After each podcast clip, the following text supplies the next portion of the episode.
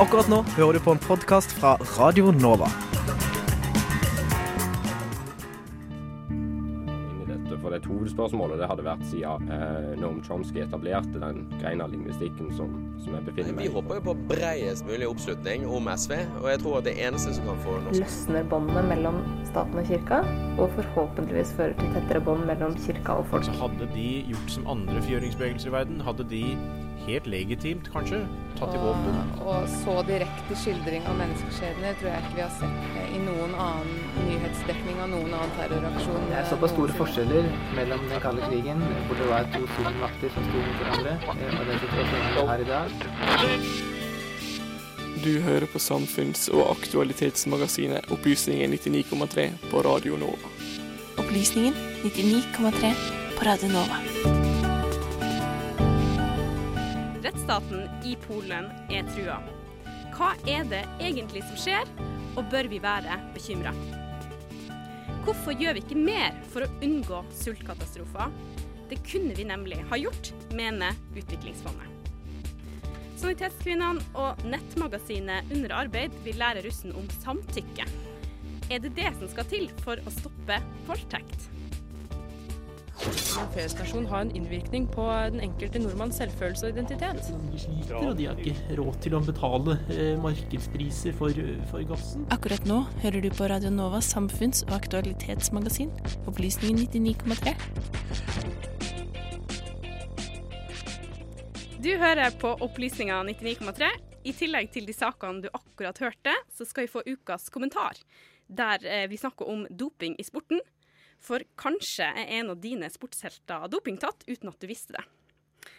Mitt navn er Hanne Kjærland Olsen, og med meg i studio i dag så har jeg deg, Mia Rørvik, journalist i Opplysningen 99,3. Hei, Hanne. Du skal snakke litt om hva som skjer i Polen for tida. Hvorfor er det så spennende? Det er litt kritisk i Polen om dagen, fordi regjeringspartiet Lov og rettferdighet, eh, som er et navn de ikke fortjener, driver og utfordrer demokratiet lite grann. Ja, det er ikke så veldig tillitsvekkende eh, navn, og det har du syntes har vært ganske morsomt. Og kikka litt på navn som populistiske partier bruker. Ja, favoritten min så langt er partiet Gyllent daggry i Hellas. Og jeg tenker litt sånn at hvis partiet heter Frihetspartiet, Fremskrittspartiet eller Folkepartiet osv., så, videre, så er det gjerne et varselstegn. Det er litt sånn som i hotellbransjen. Hvis hotellet heter Luxury Quality Five Stars, så ville ikke jeg booket rom der med det første. Nei, det får være din anbefaling. Um, men hvilke ulovligheter er det det her eh, Lov- og rettferdighetspartiet i Polen eh, driver med, egentlig? Altså, I Polen har de også en grunnlovsdomstol som fungerer litt sånn som i USA. Eh, og nå sniker regjeringspartiet inn flere av sine dommere enn det de egentlig har lov til. Det høres ikke så bra ut. eh, Men hva er egentlig det som er dumt med det? En grunnlovsdomstol, eller en konstitusjonsdomstol, hvis man skal være litt eh, fancy, skal passe på at politikk og lovendringer ikke strider med Grunnloven. Og de skal også beskytte innbyggernes grunnleggende rettigheter. Og denne jobben kan bare gjøres ordentlig hvis de er helt uavhengige. Det skal vi altså lære mer om eh, seinere. Men aller først så skal vi markere at eh, i dag så er det seks uker siden Donald J. Trump ble president i USA. Litt her. It is wonderful to be here at the White House Correspondents' Dinner.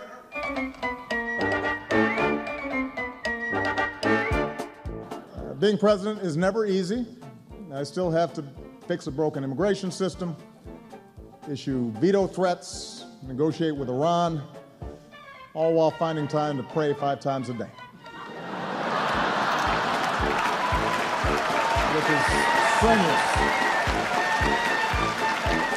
I have to admit, we really blew the way we let those attorneys go. You know, you've botched it when people sympathize with lawyers.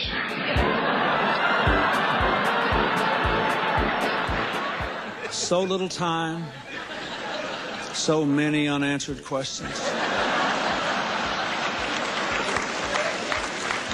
For example, over the last few months, I've lost 10 pounds. Where did they go? President Clinton, of course, wrote a very successful presidential memoirs with 10,000 pages or something. I'm thinking of something really fun and creative for mine. You know, maybe a pop-up book. Tonight, for the first time, I am releasing my official birth video.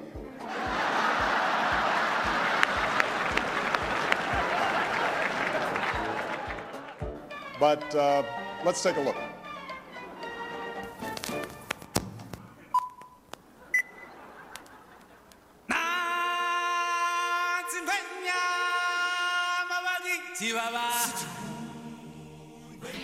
Right now, and this news is breaking here on CNN, the President of the United States breaking with tradition, saying he will not attend the White House Correspondents' Dinner. Just kidding. I don't even know. why- And when you're a star, they let you do it. You can do anything. Whatever you want. Grab him by the pussy. You can do anything.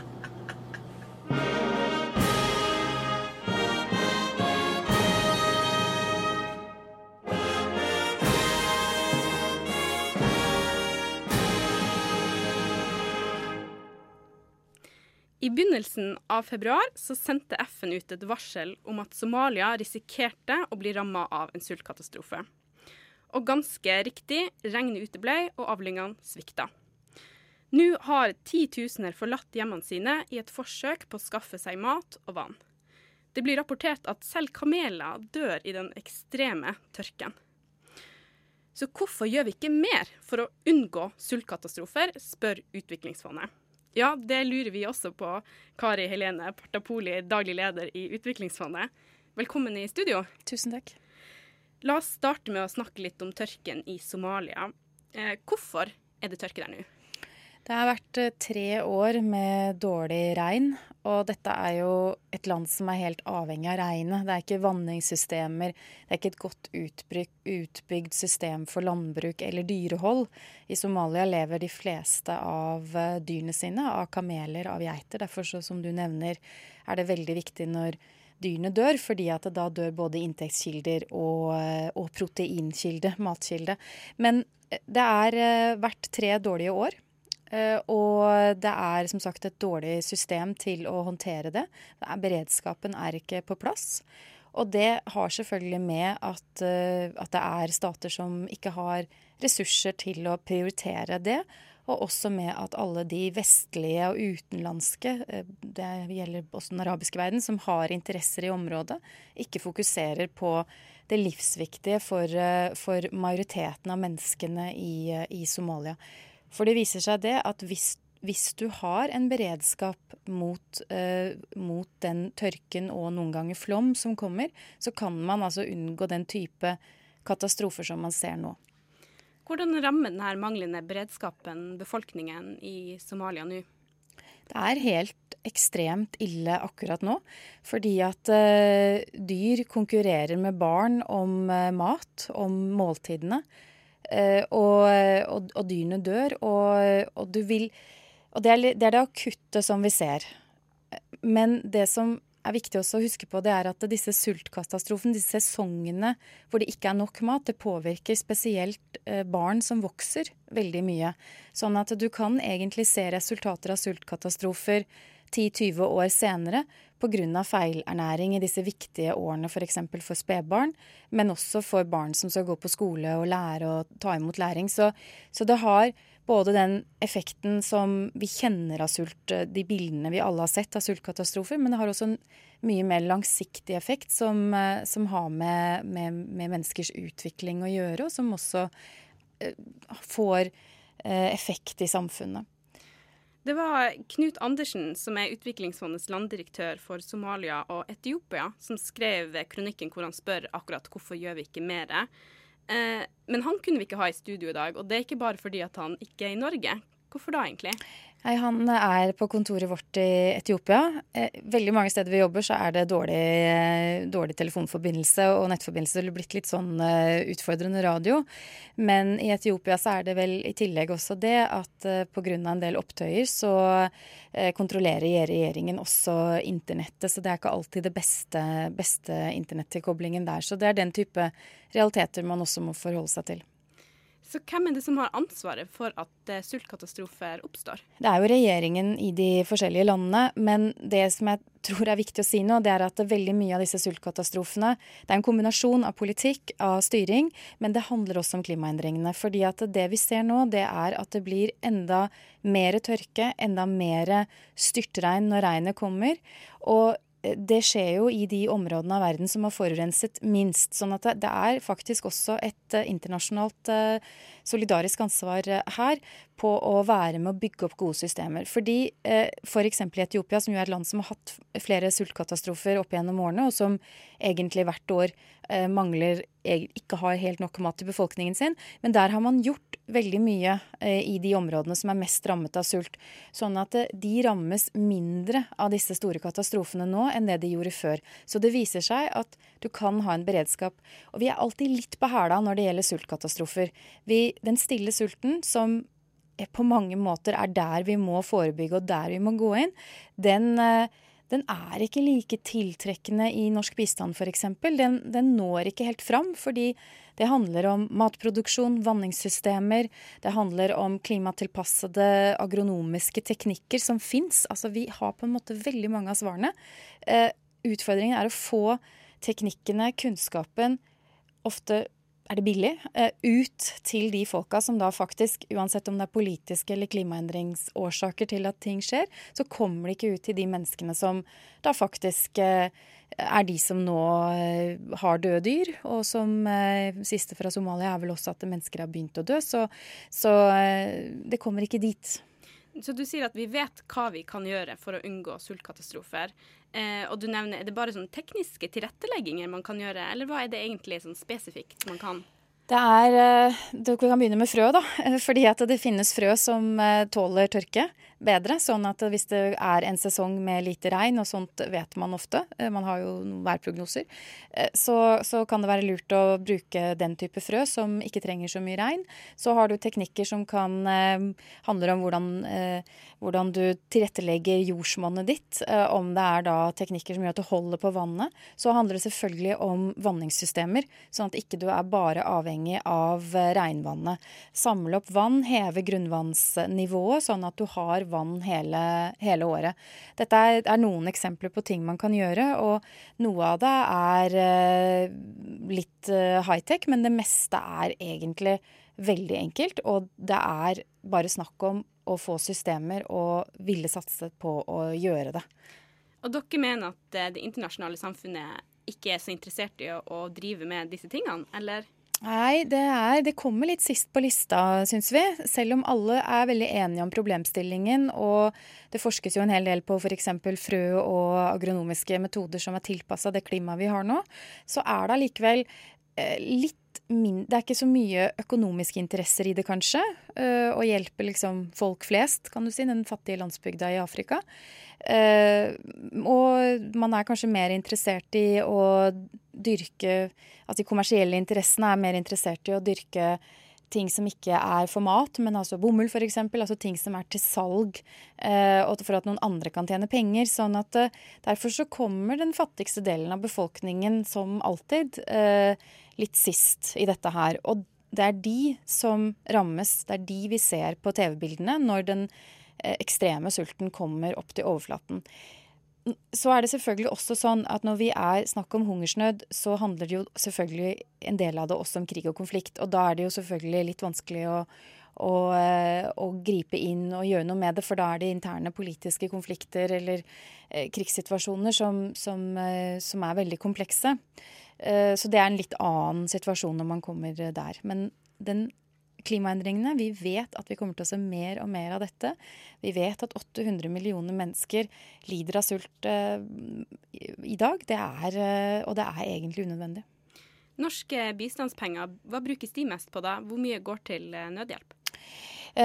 Jeg vil jo helst at, det ikke, at vi skal komme inn før det kommer til nødhjelp, at vi skal gå på den langsiktige bistanden. Og da går mellom 3 og 4% til matproduksjon uh, i bistanden. Og det er for lite. Uh, vi bruker eh, penger på har, Norsk bistand er god, og mye av pengene går til helse, utdanning og selvfølgelig også skogprosjekter. Men det mangler noe her. Vi, Norge, er ansett som en seriøs donor. Eh, litt sånn eh, sleivete så er det noen som sier at Norge er en stormakt når det gjelder bistand. Og bistand er selvfølgelig ikke det som redder verden alene på noen måte, men bistand er nå én metode et verktøy som vi har. Og da tenker jeg at Norge burde gå foran, og man burde også kunne påvirke andre donorer til å satse mer på, på dette veldig viktige feltet, som det å sikre grunnleggende matproduksjon og tilgang på mat. Fordi det har veldig mye med god utvikling å gjøre. Ikke minst fordi at barn rett og slett trenger sunn mat fra, fra de er født til eh, gjennom skolegangen. Og det mangler mye der. Helt til slutt, eh, hva er det Norge må gjøre for å være de som går fremst her, mener dere? Vi 3-4% med litt sånn spredt landbrukssatsing, det er rett og slett bare litt småpinlig. Sånn at eh, den satsinga må opp. Og her har Norge mye internasjonale gode nettverk. Mye kunnskap også i Norge på hvordan dette kan gjøres. Sånn at eh, det er, det er nummer én. Begynne der. Norge er veldig raskt ute når nøden eh, er inntruffet, og det er viktig. Fordi vi vil se sultkatastrofer eh, lang tid framover. Så det er fint at vi er der, men vi er ikke helt eh, sterke nok på det forebyggende når det gjelder matproduksjon. Og det kan vi være. Det var klar oppfordring fra Utviklingsfondet. Takk for at du kom i studio, Kari Helene Partapoli, daglig leder i Utviklingsfondet. Radio Nova, FM 99,3 og radionova.no. Regjeringspartiet i Polen, Lov- og rettferdighetspartiet, har lagt stor press på konstitusjonsdomstolen og har drevet noen med noen finurlige eh, greier når det kommer til Høyesterett også. Er rettsstaten i fare?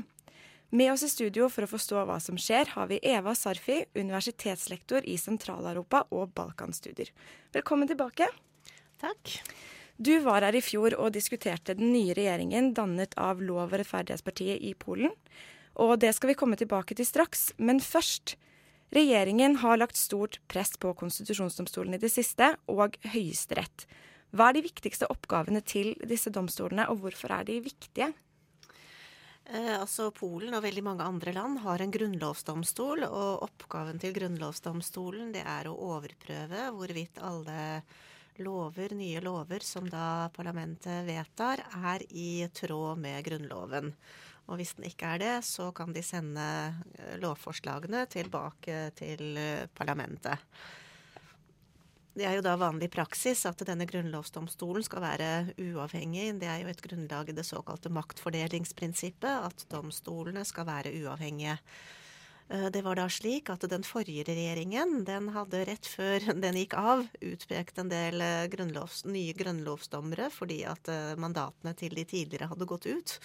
Men da den nye regjeringen kom til makten, så nektet den å anerkjenne disse dommerne, fordi den mente at eh, da er nesten alle dommerne i denne grunnlovsdomstolen utpekt av den forrige regjeringen. Så Det var en lang dragkamp, og til slutt så fikk de sine personer igjennom. Eh, altså de respekterte ikke de som var valgt, og fikk i stedet nye inn. Det de også har gjort, det er at de har begrenset noe grunnlovsdomstolens eh, makt. Um, det er ikke lenger enstemmighet som gjelder uh, innenfor dette forumet, men uh, flertall, flertallsbeslutninger. Og det mener man også da svekker denne grunnlovsdomstolen. Hvorfor vil regjeringspartiet gjerne ha sine utnevnte dommer i konstitusjonsdomstolen? Det er Altså Hvorvidt det har en betydning eller ikke, det er jo noe som er omdiskutert. Uh, de som Altså Regjeringspartiet mener at eh, det er et demokratisk prinsipp. Altså Den forrige regjeringen utpekte mange dommere. Og den mente da at det var urettferdig at eh, Altså alle meningsmålingene tilsa eh, at de kommer til å tape valgene, altså den forrige regjeringen, og at den nåværende kommer til å vinne. Og da syntes de det var veldig urettferdig at de da rett før de gikk av, utpekte tre nye grunnlovsdommere. Eh, så de mente at det er demokratisk at de får lov til å utpeke noen. De syns også at uh, egentlig spiller det ikke så stor rolle, fordi at dommerne er uansett uavhengige, mener de. Det mener også dommerne selv. Uh, men på en annen side så er det jo slik at uh, politikerne tross alt kanskje har sine favoritter. Det ser vi også i USA f.eks., at det er veldig viktig hvem som blir utpekt. Det finnes konservative og mer liberale dommere. Eh, dette er et nasjonalkonservativt parti, og de vil gjerne da ha sine inn i denne grunnlovsdomstolen. De har også forsøkt å nå gjøre noe med hvordan eh, høyesterettsdommere skal velges. Eh, Det har vært vanlig praksis i Polen nå at det er et dommerkollegium som selv utpeker eh, hvem som skal bli høyesterettsdommere, mens nå ønsker nåværende regjering å endre den praksisen, slik at man får to fora, både et politisk og et dommerforum, som i fellesskap skal utpeke dem. Så det blir da mer politisert. Kan du fortelle oss litt mer om dette lov- og rettferdighetspartiet? Bare i korte trekk. Eh, Ja, dette er et Man kan kalle det et slags nasjonalkonservativt parti. Um, altså jeg, Det vektlegger nasjonen, eh, de polske nasjonale verdiene, nasjonal identitet. Um, som da er nært knyttet til katolsk religion. Er det et Um, klassisk høyrepopulistisk parti slik vi ser i Europa? Ja, Det er litt vanskelig å si. De har tross alt en ganske De har kanskje en, en, en litt mer utviklet ideologi, kan man si, enn veldig mange andre høyrepopulistiske partier. Eh, De vektlegger som sagt eh, religion, nasjonal identitet i forbindelse med religion, eh, antiabort, antihomofili. De legger veldig stor vekt på familieverdier, støtte til familier. Men ikke i form av en utviklet velferdsstat, men mer at Kirken skal hjelpe, og frivillige organisasjoner, frivillighet. De legger også vekt på at staten skal styre økonomien til en viss grad, eh, for nettopp da å unngå at eh, multinasjonale selskaper, utlendinger, skal på en måte overta den polske nasjonen. Men det her med at de nå har pushet inn sine dommere i konstitusjonsdomstolen, til tider grunnlovsstridig, og også driver med en del lovendringer i forhold til Høyesterett, det høres ut som det strider imot våre på en måte ganske sterke rettsstatsprinsipper i Vesten.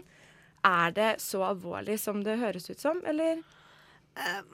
Vi får se. altså Det kommer jo an på hvordan eh, det jo, For det første, altså det er jo ikke alle land som har en grunnlovsdomstol, bare for å ha sagt det. Eh, Men eh, det blir sagt at det styrker rettsstaten hvis man har det. Eh, Det andre, dette med høyesterettsdommere. altså Hvis dommerne virkelig er eh, uavhengige, som de selv sier at de er, eh, så er det ikke et veldig stort problem. Men på en annen side, ja, det fins jo konservative, og det fins mer liberale dommere. Så det er et problem hvis disse utnevnelsene skal bli mer politiserte. Det er det. Eh, Men de sier jo selv at dette er en del av demokratiet. Men eh, som sagt, eh, andre vil si at da mangler man såkalte checks and balances, som man ofte kaller det på godt norsk. Det vil si at man har noen kontrollmekanismer som holder politikerne i sjakk. Men det er jo EU f.eks. kritiserer jo Polen veldig for dette. Mm, Polen har blitt kritisert tidligere også for dette med utpekningen av grunnlovsdommere. Um, og her har uh, Polen et problem i forhold til omverdenen, ja. Ja, og Vi skal komme tilbake til EU litt eh, senere i sendingen. Men nå er det jo sånn at et nytt sete i denne konstitusjonsdomstolen åpnes til sommeren. Og Det betyr at Lov- og rettferdighetspartiet kan få flertall av sine utnevnte dommere. Og Så er jo spørsmålet da om en sånn domstol vil være i stand til å gjøre jobben sin, og det har vi vært inne på.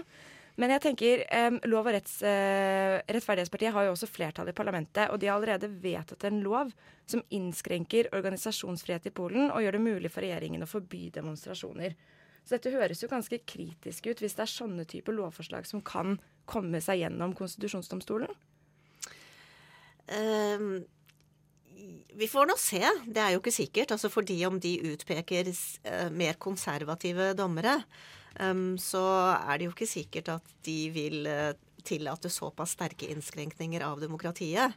Så det gjenstår å se. Um, og vi må også huske på at Polen, eh, altså dette partiet eh, i Polen har ikke absolutt flertall i parlamentet. Eh, Det er en veldig sterk opposisjon i Polen. Eh, Det er også veldig sterke grasrotbevegelser. Polen har historie for å ha allerede under kommunismen veldig sterke grasrotbevegelser som kjemper, og det ser vi jo nå også.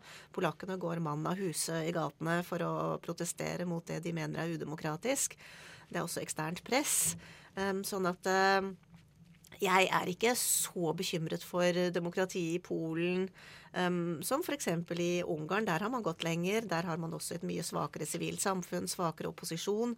Eh, Et annet land i Øst-Europa som man snakker veldig lite om, men uh, hvor det også skjer en del uh, uh, ja, rare ting, for å si det litt nøytralt. Det er Slovakia um, på Balkan. Sånn at um, det er kanskje fordi man har en veldig sterk opinion i Polen at disse tingene i Polen også virkelig kommer fram. Og fordi selvfølgelig Polen er en veldig stor og mektig stat.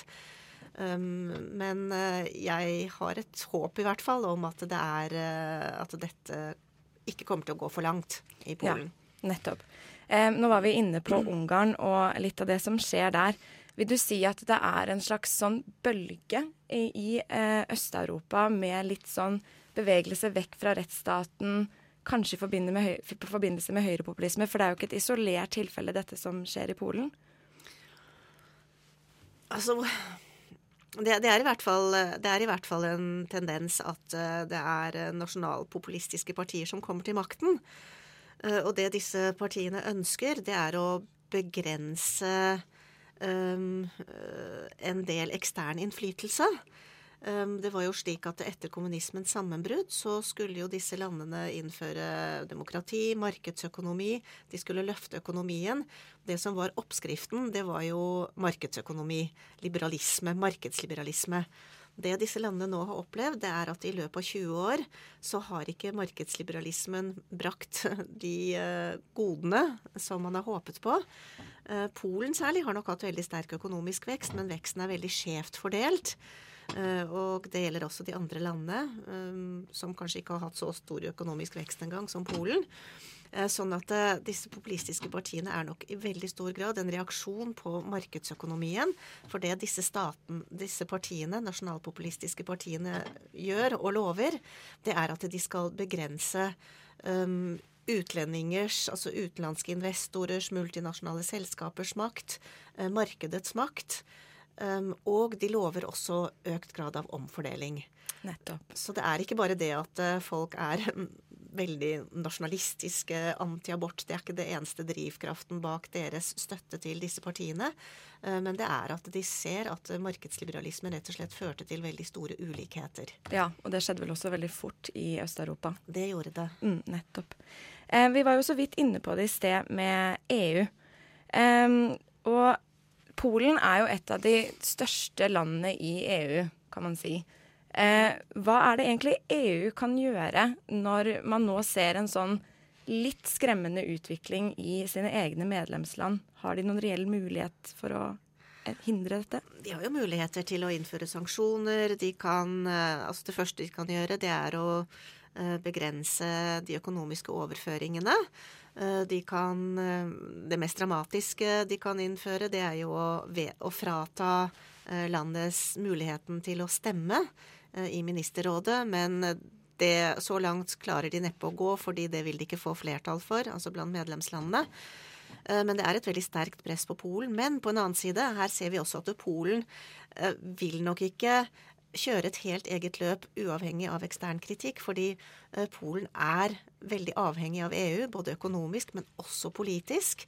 Eh, når vi ser hva som skjer i Russland, eh, så er Polen Polen har alltid vært veldig redd for Russland, veldig antirussisk. Og Polen trenger et samarbeid med EU og å ha venner i EU, for å si det sånn, for å få noen allierte mot Russland. Er det mulig å eh, presse rettsstaten på den måten Polen gjør, og samtidig være eh, vestlig innstilt? Eh, her tror jeg nok at eh, Polen, nok, akkurat som også Ungarn, til en viss grad eh, blir nødt til å bøye seg. Fordi Polen er veldig avhengig av Europa. Nettopp. Da du var her i studio for et år siden for å snakke om dette nylig valgte partiet, så var du jo usikker på, sånn som du er nå, om EU kom til å sette i gang eh, sanksjoner. Eh, tror du vi kommer til å sitte her igjen i studio om et år og snakke om en situasjon i Polen som har blitt enda litt grann verre? Det er mulig de kommer til å innføre noen økonomiske sanksjoner, altså inndra en del regionale overføringer. Uh, Tror du utviklingen i Polen kommer til å gå denne retningen som den gjør nå? De kommer nok til å prøve seg, men jeg tror også at akkurat sånn som de gjorde med denne konstitusjonsdomstolen altså dette har jo Den eh, konflikten med konstitusjonsdomstolen har pågått i uh, nesten to år. Uh, mens dette med hvordan høyesterettsdommerne skal utpekes, det er noe nytt. Um, vi så jo i forrige runde at de modererte seg noe um, når det gjaldt uh, dette med dommere til konstitusjonsdomstolen. Nå kommer de med et nytt forslag, og de kommer kanskje til å moderere seg litt igjen. Kanskje de kommer med enda noe nytt, men etter eksternt press så kommer de nok til å moderere seg ytterligere. Fordi de kan ikke tillate seg å eh, altså i verste fall bli ekskludert fra EU. Så vi kan tillate oss å være forsiktig positive, med andre ord. Jeg vil si det, ja. Ja. Med det avslutter vi dette intervjuet. Tusen takk for at du kom hit i studio, Eva Sarfi, universitetslektor i Sentral-Europa og Balkanstudier.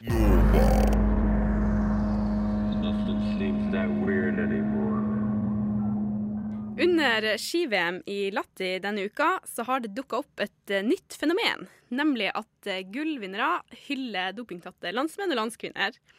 Betyr det at doping som plutselig er blitt stuerent, spør Opplysningens Tom Henrik Monsen, som har laga ukas kommentar om dopingtatte idrettsutøvere, troverdighet og hvordan vi ser på dopingdømte. Lytt her.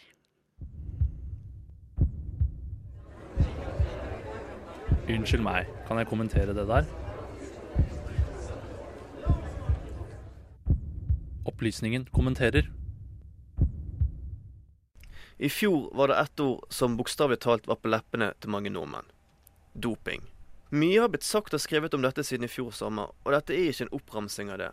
Dette er en liten tankevekker om hvordan vi nordmenn er totalt inkonsekvente når det kommer til hvordan vi stiller oss til idrettsutøvere som har brukt ulovlige midler i sin karriere. Tror du jeg er helt eh, do, do, dopa, eller? La oss begynne med hun som har vært i de flestes søkelys i flere måneder, Therese Johaug. Hun har per dags dato null troverdighet, men lyter likevel mange nordmenns uforbeholdte støtte for det hun har gjort. Men hvorfor kan man påstå at hun har null troverdighet? Jo, det er ganske enkelt. Dette sa hun til TV 2 i fjor sommer, før hun ble tatt for doping. Du tar ikke ting du får tilbudt om det er en salve eller om det er en te.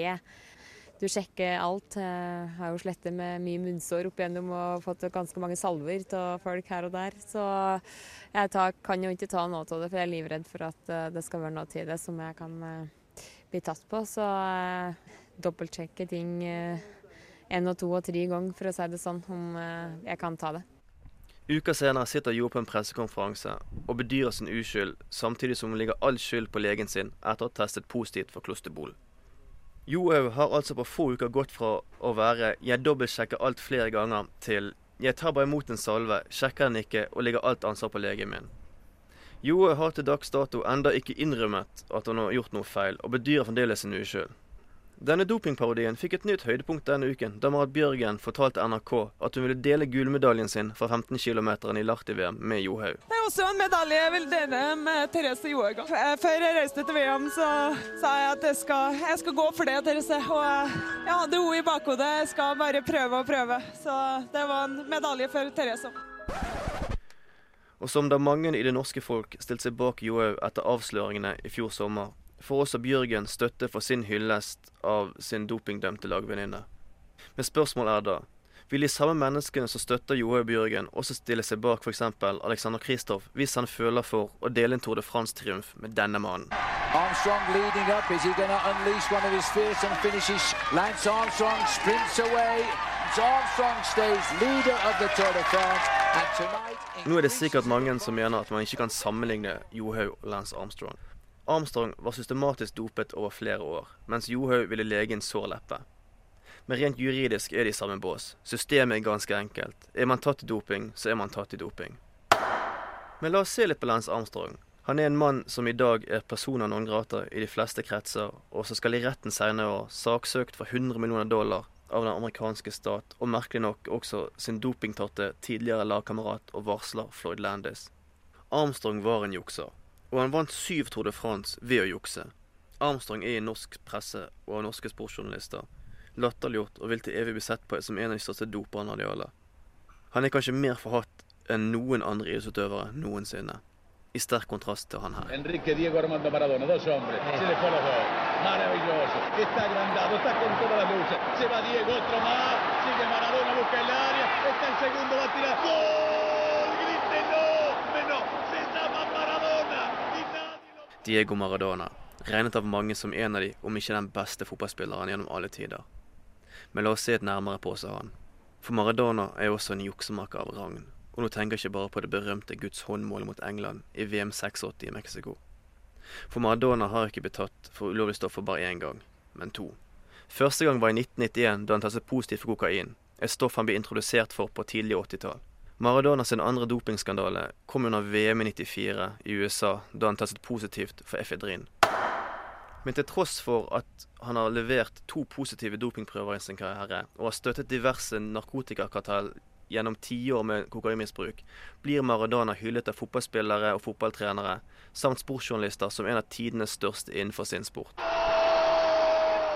Både Maradona og Armstrong jukset og brukte forbudte stoffer. Men istedenfor å bruke penger og fritid på kokain, som Maradona, startet Armstrong mens han var syklist, en organisasjon som har samlet inn flere hundre millioner dollar til kreftforskning. Men likevel velger vi altså, når vi skal først hylle en juksemaker, å hylle en som har støttet organisert kriminalitet i tiår, istedenfor en juksemaker som faktisk har prøvd å gjøre noe godt for verden gjennom kreftsaken. Men har dette noe med Johaug å gjøre? Ja, det har det. Eksempelet med Armstrong og Maradona viser hvor inkonsekvente folk er i sin mening om idrettsutøvere som har blitt tatt for bruk av ulovlige stoffer. Og denne inkonsekvensen gjør alle som en til en gjeng med hyklere. For som nevnt tidligere, doping er doping, uavhengig av hva, hvor mye eller hvem. Therese Johaug er ikke et offer for systemet. Therese Johaug er ikke et offer for en legefeil. Therese Johaug er et offer for sin egen inkonsekvens og inkompetanse, men det kommer hun sannsynligvis aldri til å innrømme. Og så lenge hun ikke greier å innrømme egne feil, har hun null troverdighet. Eh, Dobbeltsjekke ting eh, en og to og tre ganger, for å si det sånn, om eh, jeg kan ta det. Radio Nova, FM 99,3 og radionova.no. Ukas eh, kommentar den var signert eh, Opplysningens Tom Henrik Monsen. Og nå skal vi snakke om noe helt annet. For hvert år så meldes det om voldtekter på russetreff rundt om i landet. I 2015 så anmeldte minst elleve russ voldtekter under russefeiringa. Mens årets russ forbereder seg på russetida, så gjør Sanitetskvinnene og det feministiske nettmagasinet Under arbeid det samme. Med kampanjen Ja betyr ja, så vil de opplyse ungdom om hva seksuelt samtykke faktisk innebærer. Hvordan gjør man det, da? Og ikke minst, hvordan gjør man ikke det? Det skal vi spørre Sigrid Øvereng om fra Under arbeid, som er med oss i studio i dag. Velkommen. Hei, takk. Uh, ja betyr ja, heter kampanjen deres. Mhm. Um, det har vært bevisst valg å ikke kalle den eh, Nei betyr nei. Ja, helt definitivt. Eh, Det er et, en veldig veldig viktig vinkling eh, som vi har valgt å gjøre. Eh, og det handler om eh, hvor man plasserer ansvar eh, i eh, sånne situasjoner. Eh, når man snakker om nei betyr nei, så er det eh, noe som gjør at den som må ta ansvaret for den situasjonen, er den som er offeret eh, i en sånn situasjon. Eh, mens når man sier ja betyr ja, så putter man det ansvaret mye over på den som er interessert i eh, seksuell omgang, men også på begge parter. At det er et likeverdig, eh, eh, likeverdig valg. Nemlig. Og dere er opptatt av at spesielt gutter skal lære om samtykke og ta ansvar. Hvorfor velger dere å fokusere på gutter? Jo, det er jo sånn at uh, de aller fleste voldtekter begås av gutter. Det er helt klart at, uh, at det er jenter som gjør det også, men det må gå an å prate om det faktum at dette er et, eh, et uh, mannsproblem. Eh, og vi har en tendens i samfunnet vårt å prate om dette som dette er noe kvinner må fikse eh, og ordne og, finne en løsning på. Eh, når egentlig en av de beste løsningene vi har, er å undervise gutter og menn om entusiastisk samtykke. Og det samme for jenter. Absolutt.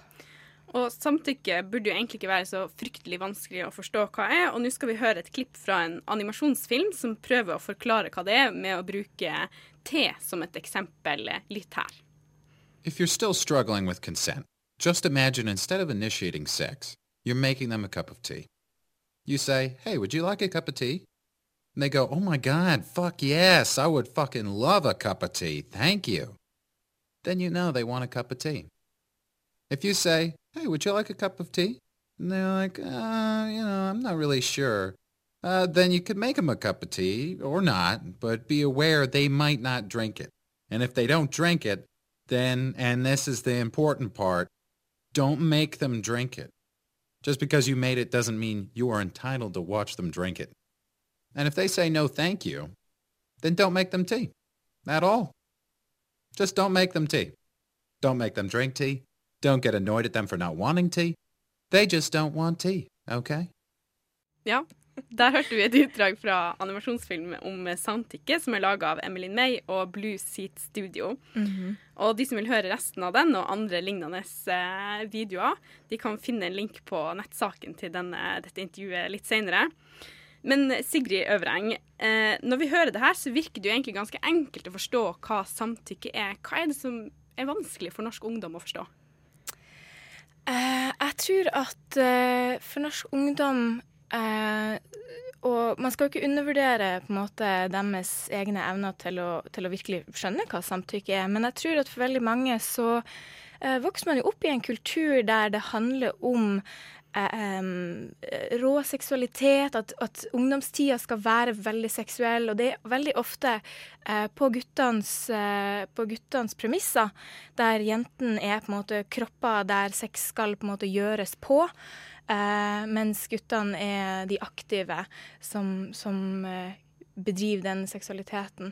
Eh, og jeg tror at når man har en, en, em, en kultur der eh, hvis noen har sagt nei, så har du bare ikke prøvd hardt nok. Du må overbevise dem. Eh, skaper det utrolig farlige holdninger og utrolig farlige handlinger eh, som, eh, som dessverre skader veldig, veldig mange ungdommer. Vi lurer litt på hvordan dere har tenkt konkret å um, fortelle og lære om det her. Men uh, aller først så har vi også lyst til å snakke om hva som ikke er så gode strategier for å forhindre voldtekt. ja. mm. og da har vi jo snakka om et eksempel fra i fjor, da lensmannen fra Gjersdal foreslo at russejenter skulle bruke sykkelshorts under russebuksa for å Mhm. forebygge voldtekt. Ja. Er nå egentlig det en, en lur idé? Nei, altså nok en gang så blir jo det et eksempel der ansvaret for å unngå voldtekt puttes på jenten, eller på de potensielle ofrene. Eh, og andre sånne tips vil jo være sånne ting som eh, ikke sovn. Eh, ikke drikk for mye. Hva er for mye, kan man da stille seg et spørsmål. Det finnes veldig mange edru mennesker som voldtas hver eneste år. Eh, ikke dra på nach. Eh, og eh, veldig mange underlige tips som er sånne åpenbare ting som folk gjør, eh, og som folk kommer til å fortsette å gjøre, og som folk skal fortsette å gjøre. Eh, det skal ikke være farlig for jenter å dra på nach. Det skal ikke være farlig for jenter å sovne. Og det er ofte en intens fokusering på hva folk har på seg, eh, og hva de burde ha hatt på seg. Eh, sykkelbukse eller ja, hva nå enn. Um, og det kommer veldig mye bisarre tips. Jeg leste nå tidligere i dag, så googler jeg bare sånn tips mot voldtekt. Uh, og det kommer en del uh, gode kommentarer, uh, kronikker og litt sånn forskjellig, men så kommer det også sånne ting som Og det var tips i forhold til overfallsvoldtekter, som blir noe litt annet, men det var sånn ikke ha langt hår. Fordi langt hår kan folk gripe tak i. Og da er vi jo inne i det bisarre. Hvordan vil du at kvinner skal leve da? Kvinner skal ikke sovne, kvinner skal ikke drikke, kvinner skal ikke ha langt hår. Ja vel, da får du bare låse oss inne, da. Eh, er det det vi vil? Eh, og det blir utrolig dumme løsninger. Eh, som egentlig ikke er løsning i det hele tatt. Det betyr bare at noen som har lyst til å voldta, kommer til å voldta noen som ikke har på seg sykkelbukse. Eller som er litt mer full, eller som sover litt tyngre. Hvorfor tror du at det alltid liksom dukker opp sånne her eh, anbefalinger? Jeg tror vi har som sagt en intens eh, idé om at løsninga på voldtekt ligger hos jenter, og at det ligger hos individer, og ikke nødvendigvis i en systematisk forklaring. Eh, vi har en voldtektskultur i Norge. Det må vi eh, klare å se, og det må vi klare å behandle i form av eh, undervisning om entusiastisk seksuelt samtykke. Ja, betyr ja. Så hvordan eh, er det dere eh, tenker at eh, dere skal gjøre det her? Hva er liksom de gode tiltakene som dere kommer til å prøve fremme i kampanjen deres? Mm. Nei, En del av det vi gjør, er f.eks. at vi besøker videregående skoler. Denne kampanjen er jo spesifikt fokusert på russ og russetid, hvilken er en utrolig sånn brytningsperiode i livet til folk der de går fra å kanskje ikke være seksuelt aktiv til å bli det. Eh, og eh, en periode der eh, sånne situasjoner kan eh, ha en risiko for å oppstå. da.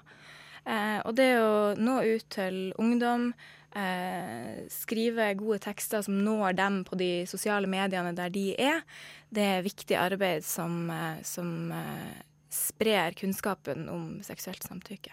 Hva konkret vil dere si til dem da, når dere når dem?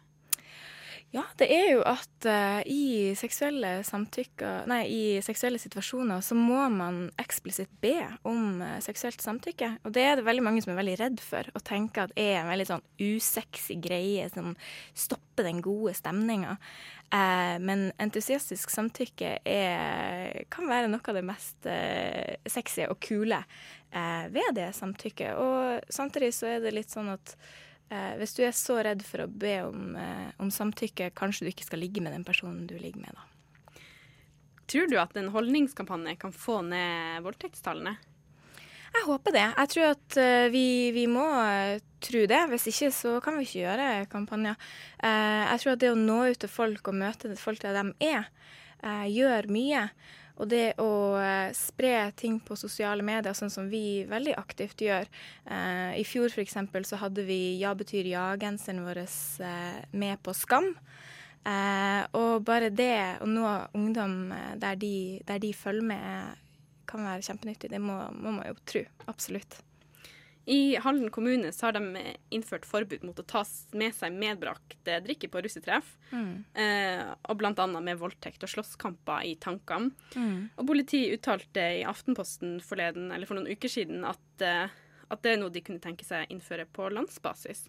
Mm. Tenker du at det også kan være gode tiltak? Uh, jeg tror at det er, det er jo uh, et interessant tiltak. Samtidig så er det noe med at hvis eh, Hvis det var sånn at det var kun var alkohol som gjør at folk blir voldtatt, eh, så hadde det vært én sak. Men det er ikke sånn. Edrue folk voldtar. Eh, edru folk blir voldtatt. Uh, og det er Selvfølgelig er det et, et, tiltak for å senke vold, kanskje, og da kanskje også voldtekt. Men, eh, men, man må også tenke at det finnes andre ting som vil være mye mer effektivt. Eh, der man faktisk griper dette problemet med rota, og ikke bare de faktorene som kan til en viss grad øke dette problemet, eller ikke. Nå kjører dere denne kampanjen Ja betyr ja i år igjen. Eh, men hva slags eh, større endringer ønsker dere? Hva ønsker dere at skal, myndighetene skal gjøre? Jo, det er jo en del. Eh, vi har jo et ønske om at definisjonen av hva voldtekt er f.eks. i lov, lovskriftene endrer seg. Der er det mye, ja, mye uklarheter eh, om hva voldtekt er. Det er mye som fremdeles er formulert sånn at ansvaret legges mye over på eh, offeret eh, i sånne situasjoner. Og så er det et uh, veldig klart faktum at uh, rettssikkerhet for kvinner i Norge, uh, og spesielt da kvinner utsatt for voldtekt, er utrolig dårlig. Det er så få som får eh, sakene sine tatt opp i retten. Kanskje i det hele tatt de ikke blir, altså kanskje de ikke blir undersøkt eller etterforska ordentlig. Eh, og når det kommer opp i retten, så er det eh, ingen dom eller utrolig lave dommer. Mm. Det var så langt vi rakk eh, denne gangen. Takk for at du kom i studio, Sigrid Øvreng. Eh, nyhetsredaktør ja. i mm det feministiske nettmagasinet eh, under arbeid. Mm. Vi håper dere klarer å bidra til en hyggelig russetid for dem som velger å holde på med det. Tusen, tusen takk. Det er jo klart for de fleste at noe, noe er galt med verdensøkonomien. Alvorlig galt. First thing I, I went into prison, a young man, and I got out of it a very old man. Du hører på Opplysningen 99,3 på Radio Nova. Da har vi kommet til eh, sendingas slutt, og tilbake i studio så har vi Mia igjen. Velkommen. Tusen takk. Du, eh, har du blitt eh, litt mer opplyst i dag, eller? Ja, du, nå er jeg så opplyst at jeg nesten føler meg utlært snart, tror jeg. ja. Det er ikke så mye mer å lære. Har du noen highlights du har lyst til å trekke fram? Nei, jeg koste meg veldig med intervjuet med Eva Sarfi. Jeg syns hun var eh, kunnskapsrik, og hun hadde mye bra å komme med om Polen. Så det var interessant at hun er forsiktig positiv, da, for det er egentlig ikke jeg. Nei. Nei. Tror du hun kommer til å komme tilbake igjen om et år? Hun eh, skal komme tilbake om et år, og da tror jeg det er verre. Men da får vi jo se.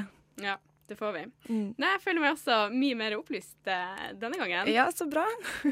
det er det som er poenget. Ikke sant. Ja. Det er det som er poenget. Og denne sendinga den er laga av Julie Kaasa, Henry, Tom Henrik Monsen og deg, Mia Rørvik. Tekniker har vært Simon Lima, og jeg er Hanne Kjærland Olsen. Vi høres igjen neste uke. Radio Nova. Du har hørt en podkast fra Radio Nova. Likte du det du hørte? Du finner flere podkaster i iTunes og på radionova.no.